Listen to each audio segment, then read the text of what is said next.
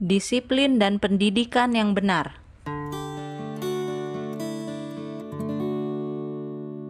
Pengaruh yang terdapat di mana-mana di dunia ini ialah membiarkan orang-orang muda mengikuti kecenderungan pikiran mereka sendiri. Dan kalau amat kasar pada masa muda, orang tua mengatakan bahwa orang-orang muda itu akan menjadi baik tidak lama kemudian. Dan bila sudah berumur 16 atau 18 tahun, mereka akan dapat mengadakan pertimbangan sendiri dan meninggalkan kebiasaan mereka yang salah dan akhirnya menjadi pria dan wanita yang berguna. Alangkah keliru anggapan itu. Bertahun-tahun lamanya mereka mengizinkan musuh menaburi bendang hati dengan benih yang tidak baik. Mereka membiarkan prinsip-prinsip yang salah tumbuh dan dalam banyak hal segala pekerjaan mengusahakan tanah itu kemudian akan sia-sia belaka ada orang tua telah membiarkan anak-anak mereka membentuk kebiasaan yang salah, yang meninggalkan bekas-bekasnya sepanjang umur hidup anak-anak itu. Dosa ini ditanggungkan kepada orang tua.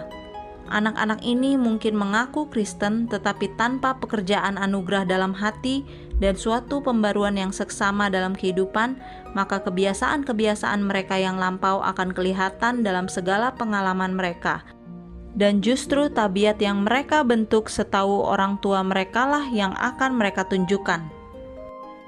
Orang tua harus memerintah anak-anak mereka, memperbaiki perasaan mereka, dan menaklukkan mereka. Kalau tidak, Allah sudah pasti akan membinasakan anak-anak pada hari murkanya. Dan orang tua yang tidak mengendalikan anak-anak mereka tidak akan luput dari kesalahan Terutama hendaklah hamba-hamba Allah mengatur keluarga mereka sendiri dan mempengaruhinya sebaik-baiknya. Saya melihat bahwa mereka tidak bersedia mengambil keputusan dalam persoalan gereja, kecuali mereka dapat mengatur rumah tangga mereka sendiri dengan baik. Mula-mula, mereka harus mempunyai tata tertib di rumah tangga, dan dengan demikian, pertimbangan dan pengaruh mereka akan kelihatan setiap anak lelaki dan anak perempuan harus dimintakan penjelasannya kalau tidak ada di rumah pada malam hari. Orang tua wajib mengetahui siapa-siapa kawan sepergaulan anak-anak mereka dan di rumah siapa mereka bermalam. Filsafat manusia tidak menemukan sesuatu yang melebihi apa yang diketahui oleh Allah atau tidak merencanakan sesuatu yang lebih bijaksana tentang perlakuan terhadap anak-anak daripada yang diberikan oleh Tuhan kita. Siapakah yang dapat menyelami lebih baik segala keperluan anak-anak daripada khalik mereka? Siapakah yang dapat merasakan minat yang lebih dalam bagi kesejahteraan mereka daripada Dia yang membeli mereka dengan darahnya sendiri? Kalau sabda Allah dipelajari dengan saksama dan diturut dengan setia, akan kian berkuranglah derita jiwa karena kelakuan yang degil di pihak anak-anak yang jahat. Anak-anak mempunyai tuntutan yang harus diakui dan dihargai oleh orang tua. Mereka berhak mendapat suatu pendidikan dan latihan yang akan menjadikan mereka anggota-anggota masyarakat yang berguna, disegani, dan dikasihi di dunia ini dan akan memberi mereka kelayakan akhlak untuk masyarakat orang-orang suci di dunia yang akan datang.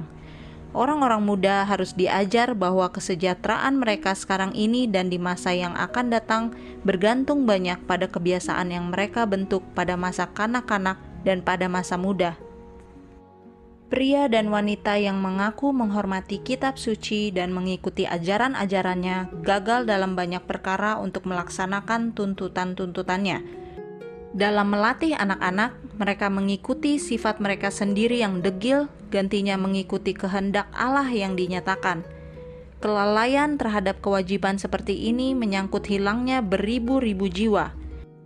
Kitab suci memberikan peraturan-peraturan untuk disiplin yang betul bagi anak-anak.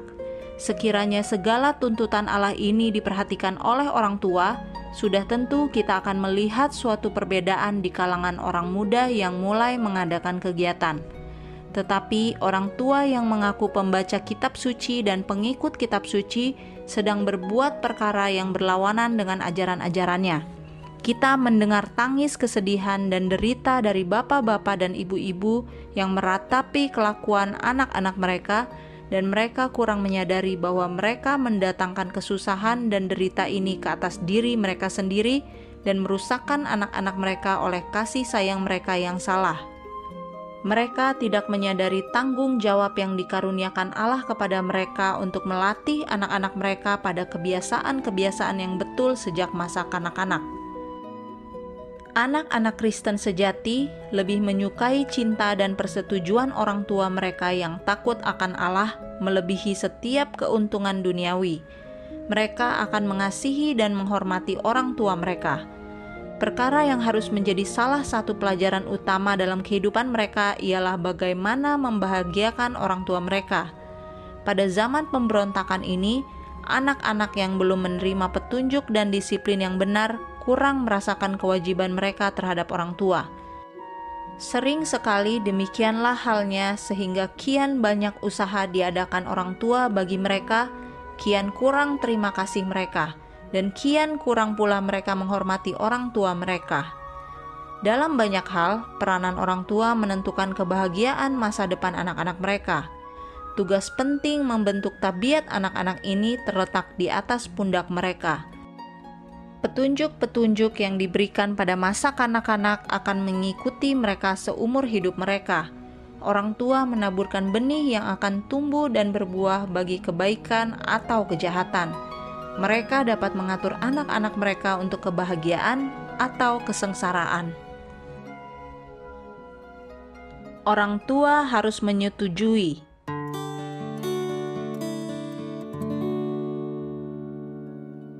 Anak-anak berperasaan halus dan berbelas kasihan. Mereka mudah dijadikan senang dan mudah dijadikan sedih.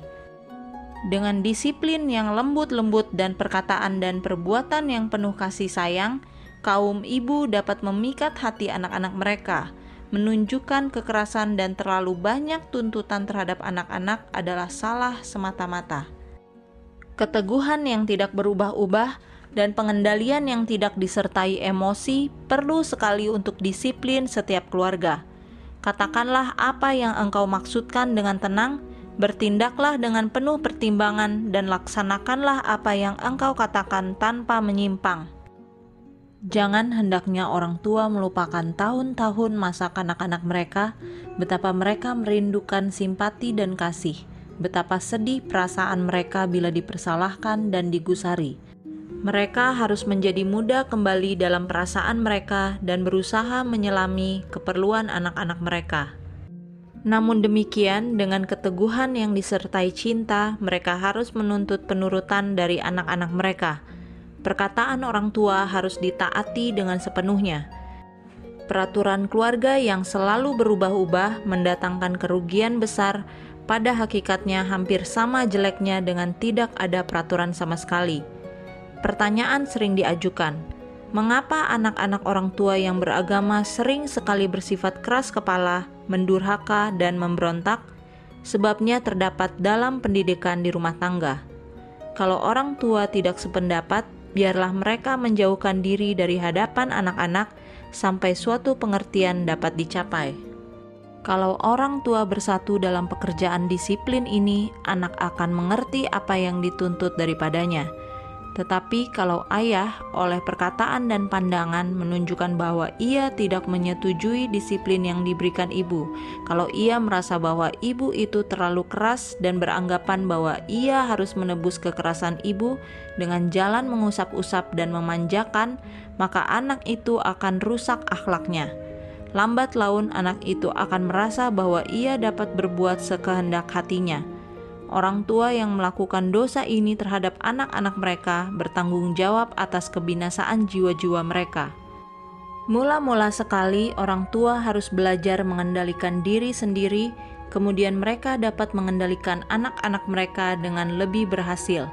Setiap kali mereka tidak mengendalikan diri dan berbicara dan bertindak kurang sabar, mereka berdosa terhadap Allah lebih dulu mereka harus bertukar pikiran dengan anak-anak mereka, menunjukkan dengan jelas kesalahan dan dosa anak-anak itu, serta memberikan kesan kepada mereka bahwa mereka bukan saja berdosa terhadap orang tua mereka, tetapi juga terhadap Allah. Dengan menahan hati dan penuh belas kasihan dan kesedihan bagi anak-anakmu yang bersalah, berdoalah dengan mereka sebelum memperbaiki mereka. Dengan demikian, perbaikan yang kamu adakan tidak akan menyebabkan anak-anak membencimu. Mereka akan mengasihimu.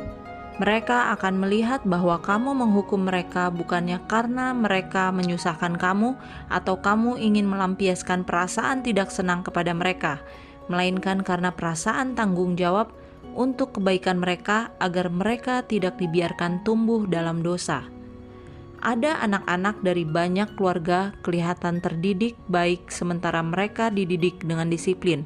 Tetapi bila kebiasaan yang telah menahan mereka untuk mentaati peraturan dilanggar, mereka kelihatan tidak sanggup berpikir, bertindak, atau mengambil keputusan sendiri.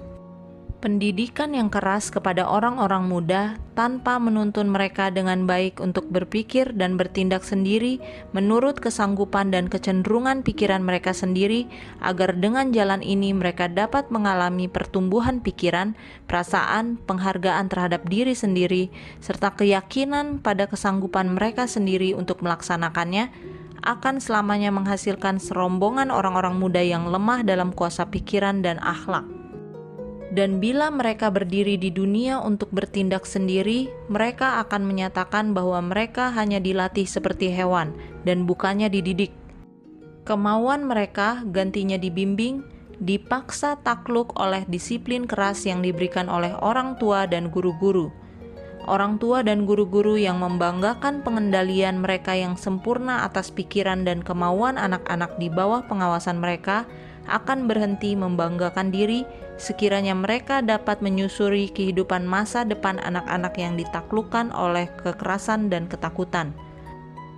Anak-anak ini hampir tidak ada persiapan untuk mengambil bagian dalam tanggung jawab kehidupan yang serius. Guru-guru itu merasa puas bahwa mereka sudah hampir sepenuhnya berhasil mengendalikan kemauan anak didik mereka, bukannya guru-guru yang paling berhasil, meskipun untuk sementara tampaknya muluk-muluk. Mereka sering terlalu bersikap pendiam dan menggunakan kekuasaan mereka dalam cara dingin dan tidak menaruh simpati yang tidak dapat memikat hati anak-anak dan murid-murid mereka. Sekiranya mereka mau mendekatkan hubungan dengan anak-anak itu dan menunjukkan bahwa mereka mengasihi anak-anak itu dan mau menunjukkan perhatian dalam segala usaha, bahkan dalam olahraga mereka sekalipun, malahan kadang-kadang menjadi seperti anak-anak di antara anak-anak, mereka akan menjadikan anak-anak itu bergembira dan akan mendapat kasih dan keyakinan anak-anak itu. Dan lambat laun anak-anak itu akan menghormati dan menyukai kekuasaan orang tua dan guru-guru mereka. Sebaliknya, orang-orang muda jangan hendaknya dibiarkan berpikir dan bertindak sendiri tanpa bergantung pada pertimbangan orang tua dan guru-guru mereka anak-anak harus diajar menghargai pertimbangan yang berdasarkan pengalaman dan dibimbing oleh orang tua dan dibimbing oleh guru-guru. Mereka harus dididik sedemikian agar pikiran mereka disatukan dengan pikiran orang tua dan guru-guru mereka, dan diberi petunjuk sedemikian agar mereka dapat melihat alangkah baiknya menghiraukan nasihat yang baik itu. Dengan demikian, bila mereka sudah lepas dari bimbingan orang tua dan guru-guru mereka, maka tabiat mereka tidak goyah seperti bambu yang ditiup angin.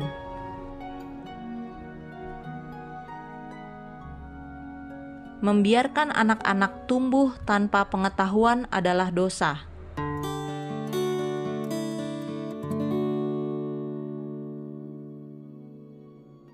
ada orang tua telah gagal memberi anak-anak mereka pendidikan agama dan juga telah melalaikan pendidikan sekolah mereka tidak satupun daripadanya boleh dilalaikan. Pikiran anak-anak harus giat, dan kalau tidak sibuk dengan pekerjaan kasar atau sibuk belajar, mereka akan mudah mendapat pengaruh-pengaruh jahat. Dosa adanya bagi orang tua membiarkan anak-anak mereka tumbuh tanpa pengetahuan. Orang tua harus menyediakan buku-buku yang berguna dan menarik bagi mereka, dan harus mengajar mereka bekerja menggunakan waktu untuk pekerjaan yang kasar, serta waktu untuk belajar dan membaca. Orang tua harus berusaha mempertinggi pikiran anak-anak mereka serta memperbaiki kesanggupan mental mereka. Pikiran yang dibiarkan begitu saja tidak dipelihara, biasanya rendah derajatnya, tidak rohani dan bejat. Setan menggunakan kesempatannya dan mendidik pikiran yang malas. Pekerjaan ibu mulai dengan bayi. Ia harus menaklukkan kemauan dan perangai anaknya dan mengajar dia menurut. Bila anak itu bertambah besar, janganlah kurangi usaha pengendalian ini setiap ibu harus mengambil waktu bertukar pikiran dengan anak-anaknya, memperbaiki kesalahan mereka, dan dengan sabar mengajarkan kepada mereka jalan yang benar. Orang tua Kristen harus mengetahui bahwa mereka sedang mengajar dan melayakkan anak-anak mereka untuk menjadi anak-anak Allah. Segenap pengalaman rohani anak-anak itu dipengaruhi oleh petunjuk-petunjuk yang diberikan dan tabiat yang dibentuk pada masa kanak-kanak. Kalau kemauan tidak ditaklukkan dan menyerah pada kemauan orang tua, maka sukar adanya memahami pelajaran pada tahun-tahun mendatang. Alangkah pahitnya pergumulan, alangkah besarnya pertentangan untuk menyerahkan kemauan itu yang belum pernah ditaklukkan kepada tuntutan Allah. Orang tua yang melalaikan pekerjaan penting ini mengadakan kekeliruan besar dan berdosa terhadap anak-anak mereka yang malang itu dan terhadap Allah. Hai orang-orang tua, kalau kamu gagal memberi anak-anak kamu pendidikan yang diwajibkan Allah untuk kamu berikan kepada mereka, kamu harus mempertanggungjawabkannya kepadanya atas akibat-akibatnya. Akibat-akibat ini bukan saja terbatas pada anak-anak kamu. Bila satu duri yang dibiarkan tumbuh di ladang menghasilkan yang sejenisnya, Demikian juga dosa-dosa yang diakibatkan oleh kelalaian kamu akan bekerja untuk merusakkan semua orang yang datang di dalam lingkungan pengaruhnya. Kutuk dari Allah sudah pasti akan terkena pada orang tua yang tidak setia. Mereka bukan saja sedang menanam duri yang akan melukai mereka di dunia ini, tetapi juga mereka harus menghadapi ketidaksetiaan mereka sendiri bila pengadilan akan bersidang banyak di antara anak-anak akan berdiri di pengadilan dan mempersalahkan orang tua mereka karena tidak mengekang mereka dan menuduh orang tua karena kebinasaan yang mereka alami. Simpati palsu dan cinta buta di pihak orang tua menyebabkan orang tua itu memaafkan kesalahan anak-anak mereka dan melewatkannya begitu saja tanpa memperbaikinya, dan sebagai akibatnya, anak-anak mereka hilang, dan darah mereka dituntut dari orang tua yang tidak setia itu buruknya kemalasan.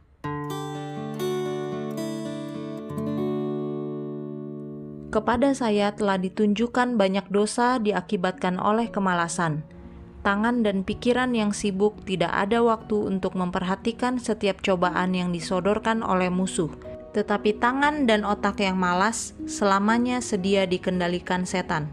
Bila tidak diisi dengan baik, pikiran itu merenungkan perkara-perkara yang tidak senonoh, orang tua harus mengajarkan kepada anak-anak bahwa kemalasan itu dosa adanya. Tidak ada sesuatu yang lebih pasti menuntun kepada kejahatan daripada mengangkut segala beban dari anak-anak, membiarkan mereka hidup malas dan tidak bertujuan, tidak berbuat apa-apa, atau melakukan sesuatu sekehendak hatinya saja. Pikiran anak-anak sangat aktif, dan kalau tidak diisi dengan sesuatu yang baik dan berguna, maka tak dapat tiada mereka akan berpaling pada sesuatu yang jahat. Meskipun baik dan perlu bagi mereka mengadakan rekreasi, mereka harus diajar bekerja. Ada jam tetap untuk bekerja dan juga untuk membaca dan belajar. Usahakanlah menyediakan pekerjaan yang cocok dengan umur mereka serta buku-buku yang berguna dan menarik. Anak-anak sering sekali memulai suatu pekerjaan dengan penuh semangat tetapi setelah dibingungkan atau diletihkan olehnya, mereka ingin mengganti pekerjaan itu dan melakukan sesuatu yang baru. Dengan demikian, mungkin mereka melakukan beberapa jenis pekerjaan, menemui sedikit kekecewaan, dan meninggalkannya. Demikianlah mereka berpindah dari satu pekerjaan kepada pekerjaan yang lain tanpa menyelesaikan sesuatu. Jangan hendaknya orang tua memperkenalkan sifat suka berubah-ubah itu mengendalikan anak-anak mereka Jangan hendaknya orang tua itu terlalu sibuk dengan perkara-perkara lain, sehingga mereka tidak ada waktu mendisiplin pikiran anak-anak yang sedang berkembang itu dengan sabar. Beberapa perkataan dorongan atau pertolongan sedikit pada saat yang tepat mungkin dapat menolong anak-anak itu mengatasi kesulitan dan kekecewaan, dan kepuasan yang akan mereka peroleh dari melihat pekerjaan yang diselesaikan dengan baik akan mendorong mereka kepada usaha yang lebih besar. Anak-anak yang selamanya dibelai dan dilayani selalu mengharapkannya, dan kalau harapan mereka tidak dipenuhi, mereka kecewa dan putus asa. Pembawaan serupa ini akan kelihatan sepanjang kehidupan mereka. Mereka akan tidak berdaya, bersandar pada orang lain untuk mendapat pertolongan, mengharapkan orang lain menyokong mereka dan menyerah kepada mereka. Dan kalau mereka ditentang, malah sesudah mereka menjadi pria dan wanita yang sudah dewasa, mereka merasa diperlakukan dengan tidak baik. Dan dengan demikian, mereka mengkhawatirkan kehidupan mereka di dunia ini hampir tidak dapat menanggung beban mereka sendiri, sering bersungut dan merasa sakit hati karena segala sesuatu tidak sesuai dengan kehendak mereka seorang wanita berbuat suatu kesalahan yang serius terhadap dirinya sendiri dan terhadap keluarganya bila ia melakukan pekerjaannya dan merangkap pekerjaan mereka juga. Bila ia mengambil kayu api dan menimba air, malah mengambil kapak untuk membelah kayu, sementara suami dan anak-anaknya laki-laki duduk berdiam di sekeliling api seenaknya saja. Allah tidak pernah merencanakan istri dan ibu menjadi hamba bagi keluarganya banyak ibu menanggung beban berlebih-lebihan, sedangkan anak-anaknya tidak dididik mengambil bagian dari beban di rumah tangga. Sebagai akibatnya, ia kelihatan lekas tua dan meninggal terlalu lekas, meninggalkan anak-anaknya justru pada waktu seorang ibu paling diperlukan untuk membimbing anak-anak yang belum berpengalaman. Siapakah yang harus dipersalahkan?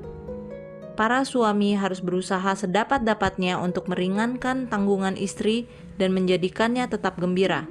Jangan sekali-kali kemalasan dipelihara atau diperkenankan pada anak-anak, karena lambat laun hal itu menjadi suatu kebiasaan. Hai orang tua, pimpinlah anak-anak kamu kepada Kristus.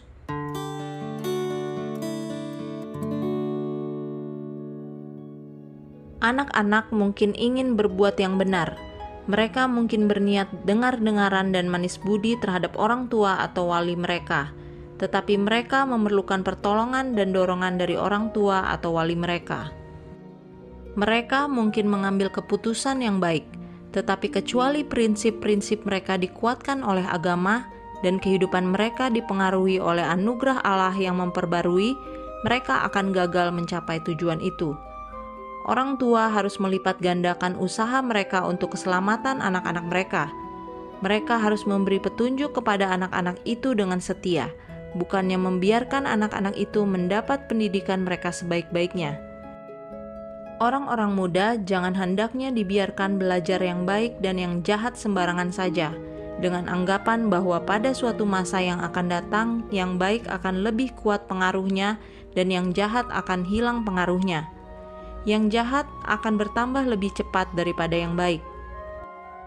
Hai orang tua, kamu harus mulai mendisiplin pikiran anak-anak kamu sementara mereka masih muda sekali, dengan tujuan agar mereka menjadi orang Kristen.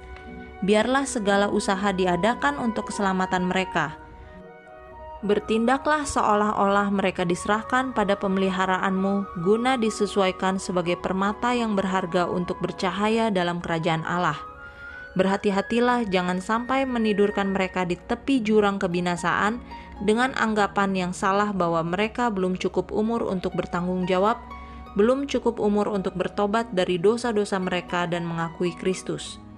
Orang tua harus menjelaskan dan menyederhanakan ikhtiar keselamatan kepada anak-anak agar pikiran mereka yang masih muda dapat memahaminya Anak-anak yang berumur 8, 10, atau 12 tahun sudah cukup umur untuk diberi pelajaran agama. Jangan ajar anak-anakmu nanti pada suatu masa mendatang bila mereka sudah cukup umur untuk bertobat dan percaya akan kebenaran. Kalau diajar dengan betul, anak-anak yang masih muda sekali bisa mendapat pandangan yang betul tentang keadaan mereka sebagai orang berdosa serta jalan keselamatan melalui Kristus. Para pendeta biasanya terlalu bersikap acuh tak acuh terhadap keselamatan anak-anak dan tidak berusaha sendiri sebagaimana mestinya. Kesempatan yang luar biasa untuk memberi kesan pada pikiran anak-anak sering sekali lewat tanpa dipergunakan sebaik-baiknya. Bapak-bapak dan ibu-ibu, apakah kamu menyadari pentingnya tanggung jawab yang tertanggung atas kamu?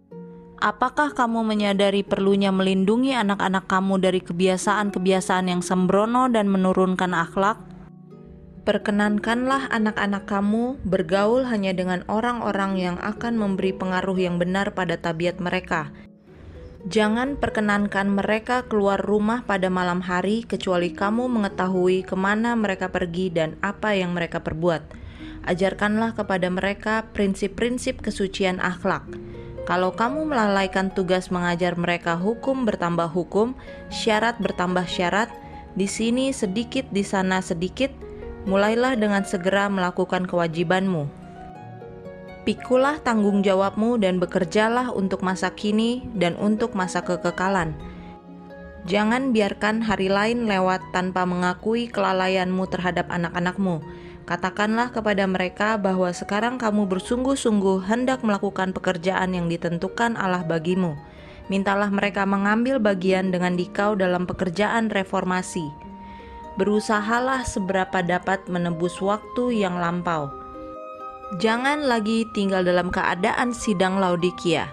Dalam nama Tuhan, saya memanggil setiap keluarga untuk menunjukkan pendirian yang sebenarnya – perbaruilah sidang di rumah tanggamu sendiri. Jangan lalaikan keperluan pikiran.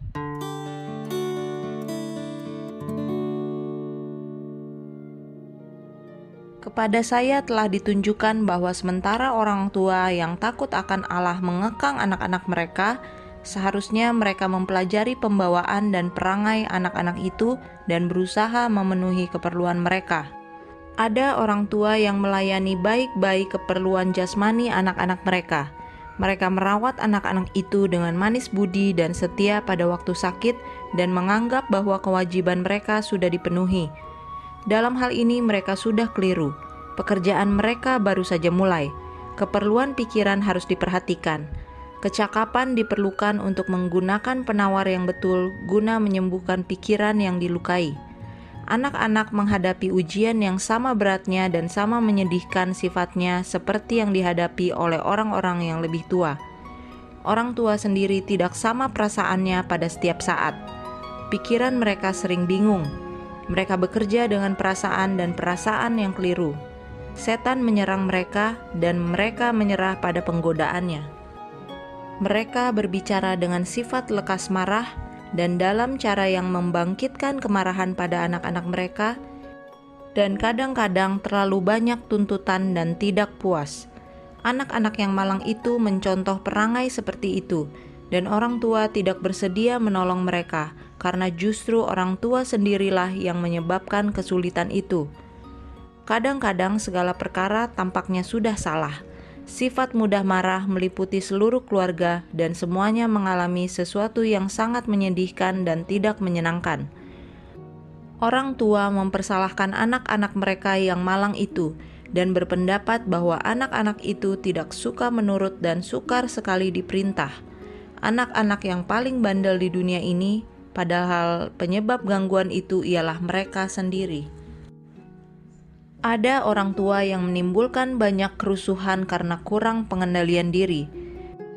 Gantinya menyuruh anak-anak melakukan ini atau itu dengan ramah tamah, mereka memerintahkan anak-anak itu dengan nada marah, dan pada saat yang sama, kritik atau celaan selalu ada pada bibir mereka, yang sebenarnya tidak patut diberikan kepada anak-anak itu.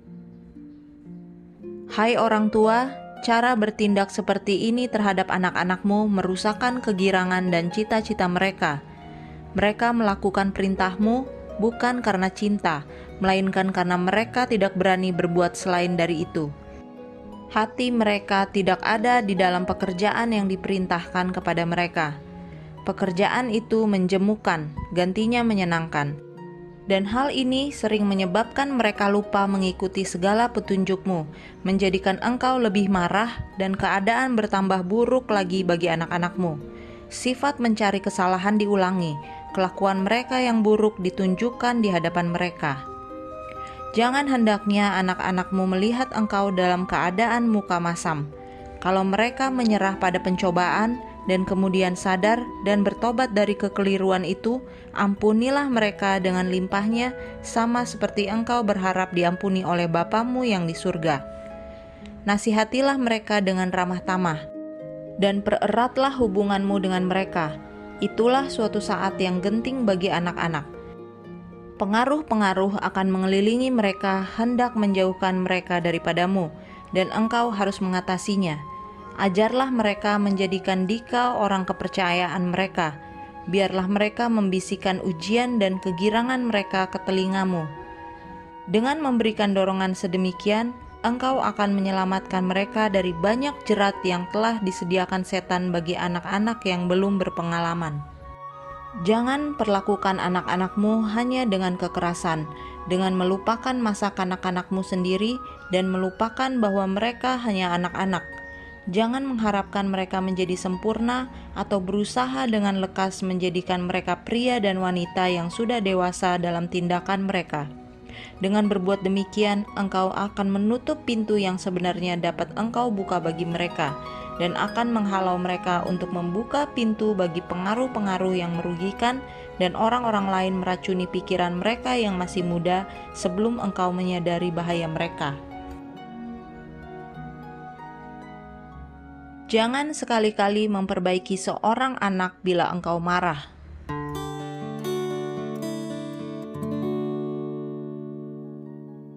Kalau anak-anakmu tidak mau menurut, mereka harus diperbaiki. Sebelum memperbaiki mereka, asingkanlah dirimu dan mintalah Tuhan melembutkan dan menaklukkan hati anak-anakmu dan memberikan akal budi kepadamu dalam perlakuan terhadap mereka Setahu saya, belum pernah cara ini gagal. Engkau tidak dapat memberikan pengertian kepada seorang anak tentang perkara-perkara rohani bila hatimu dipenuhi kemarahan. Engkau harus memperbaiki anak-anakmu dengan cinta. Jangan biarkan mereka berbuat sekehendak hati sampai engkau menjadi marah dan kemudian menghukum mereka. Perbaikan seperti itu hanya memperburuk keadaan, gantinya mengobatinya. Menunjukkan amarah terhadap seorang anak yang bersalah berarti memperbesar keburukan itu. Hal itu membangkitkan amarah anak dan membawa dia kepada perasaan bahwa engkau tidak mempedulikan dia. Ia meyakinkan dirinya sendiri bahwa engkau tidak dapat memperlakukan dia sedemikian kalau sekiranya engkau mempedulikannya. Dan apakah engkau beranggapan bahwa Allah tidak mengetahui caramu memperbaiki anak-anak ini? Ia mengetahuinya, dan ia mengetahui juga hasil-hasil yang sangat menyenangkan apa dapat diperoleh kalau pekerjaan perbaikan itu dilakukan dalam cara yang menyenangkan, gantinya menimbulkan kebencian. Pentingnya kejujuran terhadap anak-anak.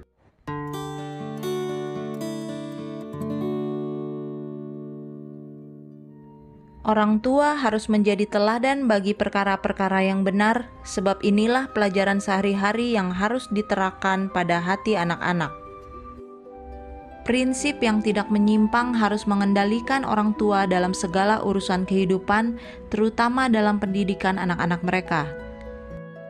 Jika budak sekalipun, maka suka ia berpura-pura dalam perbuatannya, seolah-olah semuanya betul dan benar barang yang diperbuatnya itu Seorang ibu yang kurang bijaksana dan yang tidak mengikuti bimbingan Tuhan mungkin mendidik anak-anaknya menjadi penipu dan orang pura-pura. Sifat-sifat tabiat yang dipelihara sedemikian mungkin berurat berakar dalam hatinya, sehingga berdusta dilakukan dengan sendirinya, sama seperti bernapas. Kepura-puraan akan dianggap sebagai kesungguh-sungguhan dan kenyataan. Hai orang tua, jangan sekali-kali memutarbalikan Jangan sekali-kali menceritakan sesuatu yang tidak benar, baik dalam ajaran maupun dalam teladan. Kalau engkau menghendaki anakmu suka akan kebenaran, engkau sendiri harus suka akan kebenaran. Berlakulah jujur dan tidak menyimpang. Pemutarbalikan sedikit pun sekali-kali jangan diperkenankan. Sebab kaum ibu biasa memutarbalikan dan tidak suka akan kebenaran, anak mengikuti teladannya. Perlu sekali kejujuran dipraktikkan dalam segala hal ihwal kehidupan ibu, dan penting sekali dalam pendidikan anak-anak mengajar anak-anak perempuan dan laki-laki agar mereka sekali-kali jangan memutarbalikan atau menipu sedikit pun. pentingnya perkembangan tabiat.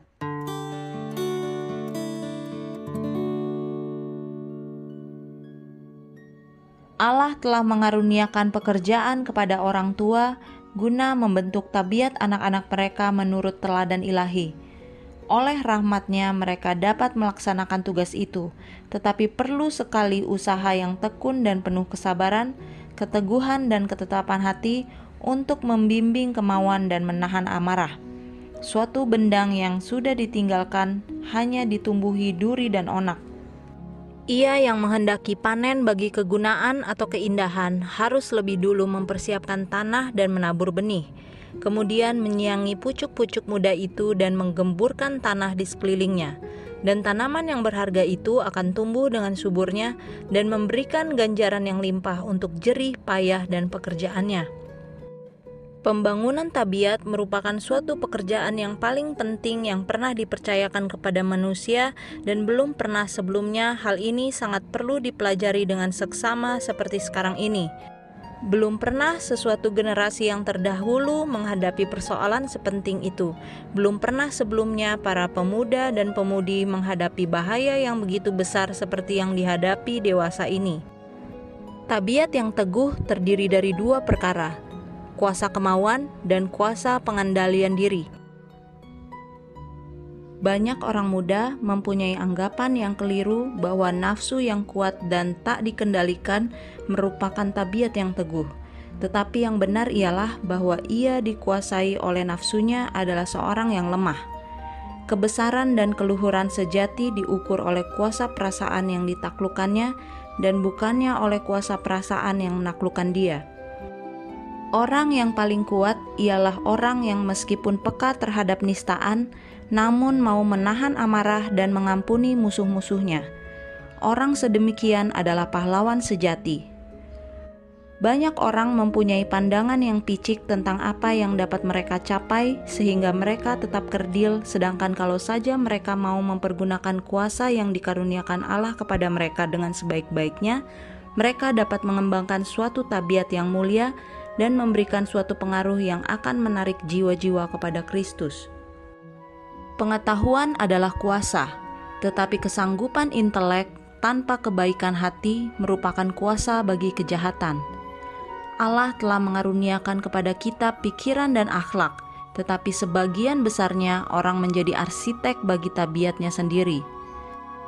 Setiap hari, pembangunan berjalan terus Firman Allah mengamarkan agar kita berhati-hati membangun, mengusahakan agar bangunan kita didirikan di atas batu karang yang kekal. Waktunya akan datang bila pekerjaan kita akan dinyatakan sebagaimana adanya.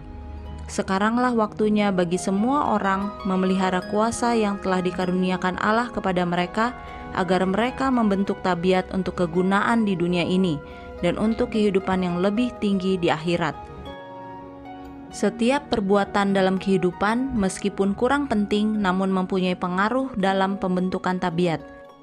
Suatu tabiat yang baik lebih berharga daripada harta benda duniawi, dan pekerjaan membentuknya adalah yang paling mulia yang dalamnya manusia dapat mengambil bagian.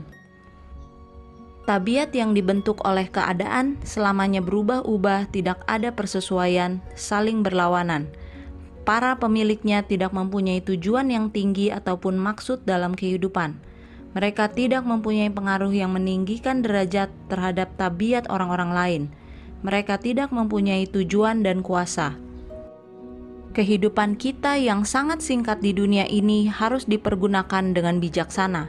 Allah menghendaki agar sidangnya menjadi suatu sidang yang hidup, mengabdi, dan bekerja tetapi anggota-anggota kita sebagai suatu badan sangat jauh dari tujuan ini sekarang.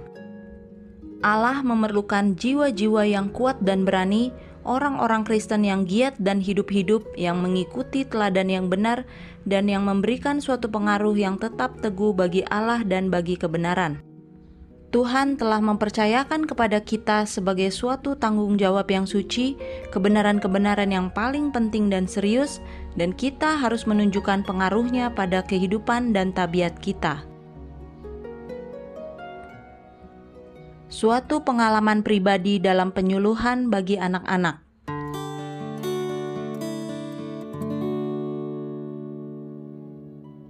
ada ibu-ibu yang tidak seragam dalam perlakuan terhadap anak-anak mereka.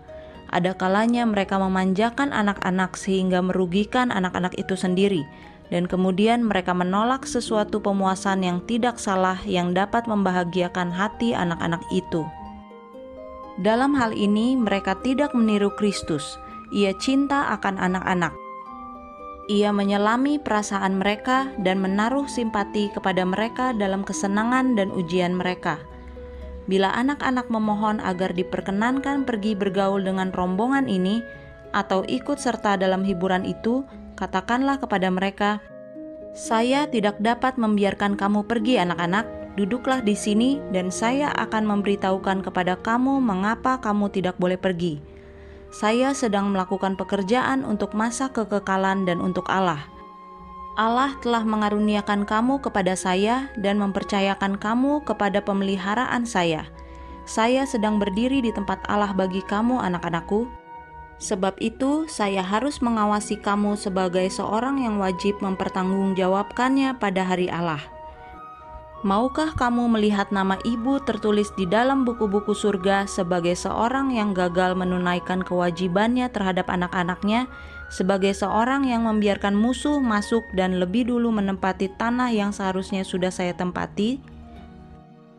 Anak-anakku, saya akan memberitahukan kepada kamu mana jalan yang benar, dan kemudian jika kamu lebih suka menjauhkan diri dari ibu dan pergi ke jalan kejahatan, maka ibu kamu akan bebas dari kesalahan, tetapi kamu harus menanggung dosa kamu sendiri.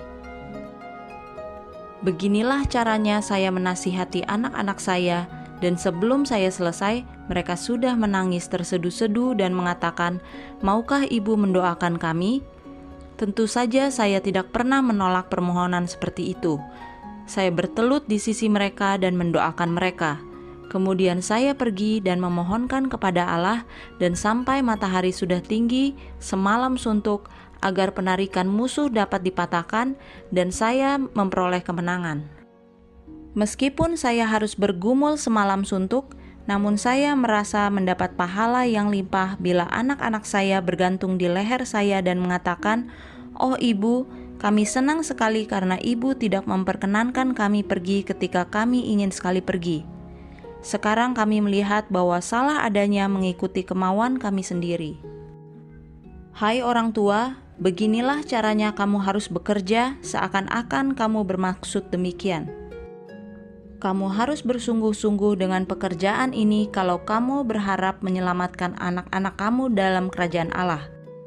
Pendidikan yang betul sekali-kali tidak dapat diberikan kepada orang-orang muda di negeri ini ataupun di negeri mana pun kecuali mereka tinggal jauh-jauh dari kota. Adat istiadat dan kebiasaan di kota-kota tidak melayakkan pikiran orang-orang muda untuk dimasuki oleh kebenaran. Orang tua memerlukan lebih banyak bimbingan ilahi.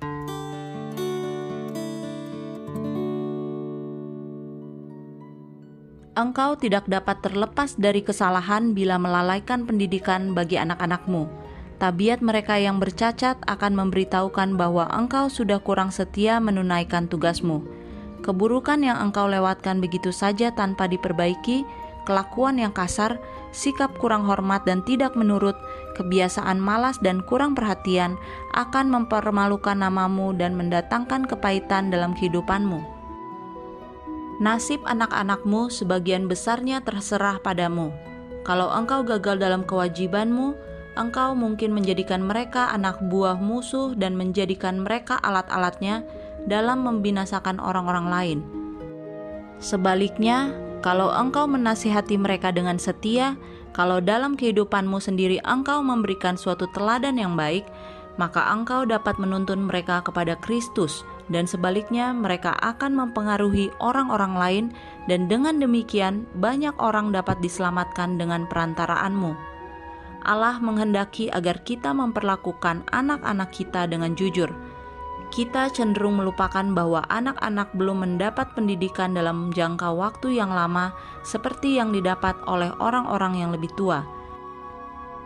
Kalau anak-anak kecil itu tidak berbuat sesuai dengan pendapat kita dalam segala hal, kita sering beranggapan bahwa mereka patut dimarahi, tetapi hal ini tidak akan memperbaiki keadaan itu. Bawalah mereka kepada Juru Selamat dan beritahukanlah kepadanya segala perkara itu lalu percayalah bahwa berkatnya akan mereka peroleh. Anak-anak harus diajar menghargai dan menghormati jam permintaan doa.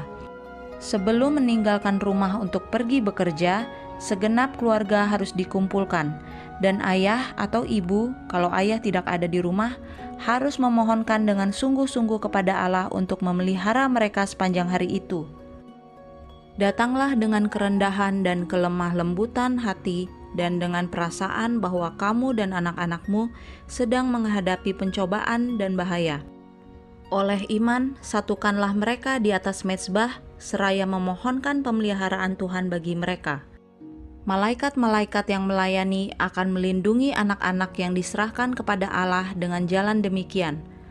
Adalah kewajiban orang tua Kristen dengan doa dan iman yang tekun memagari anak-anak mereka pagi dan petang mereka harus menasihati anak-anak itu dengan sabar, mengajar mereka dengan manis budi, dan dengan tidak mengenal jerih payah perihal bagaimana anak-anak itu harus hidup agar berkenan kepada Allah.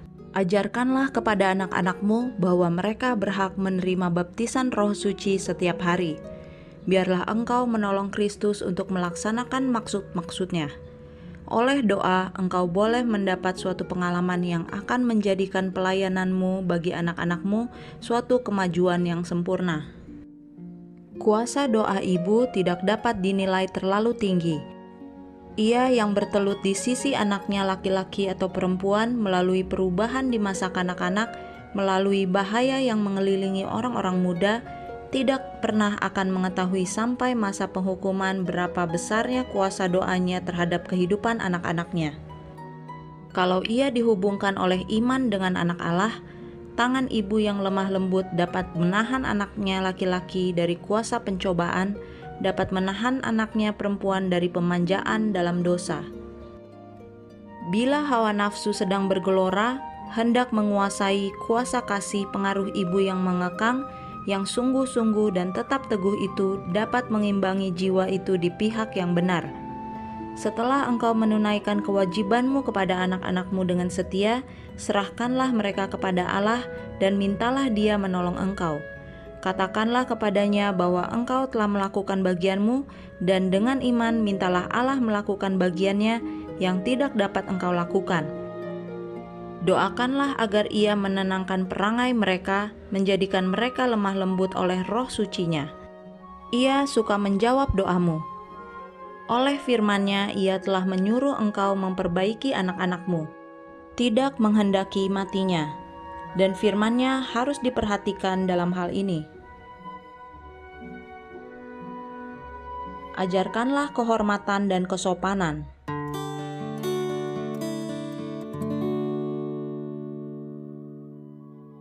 Allah telah memberikan perintah khusus untuk menunjukkan kehormatan yang lemah lembut terhadap mereka yang sudah lanjut usianya. Ia mengatakan, rambut putih adalah mahkota yang indah yang didapat pada jalan kebenaran. Amsal 16 ayat 31.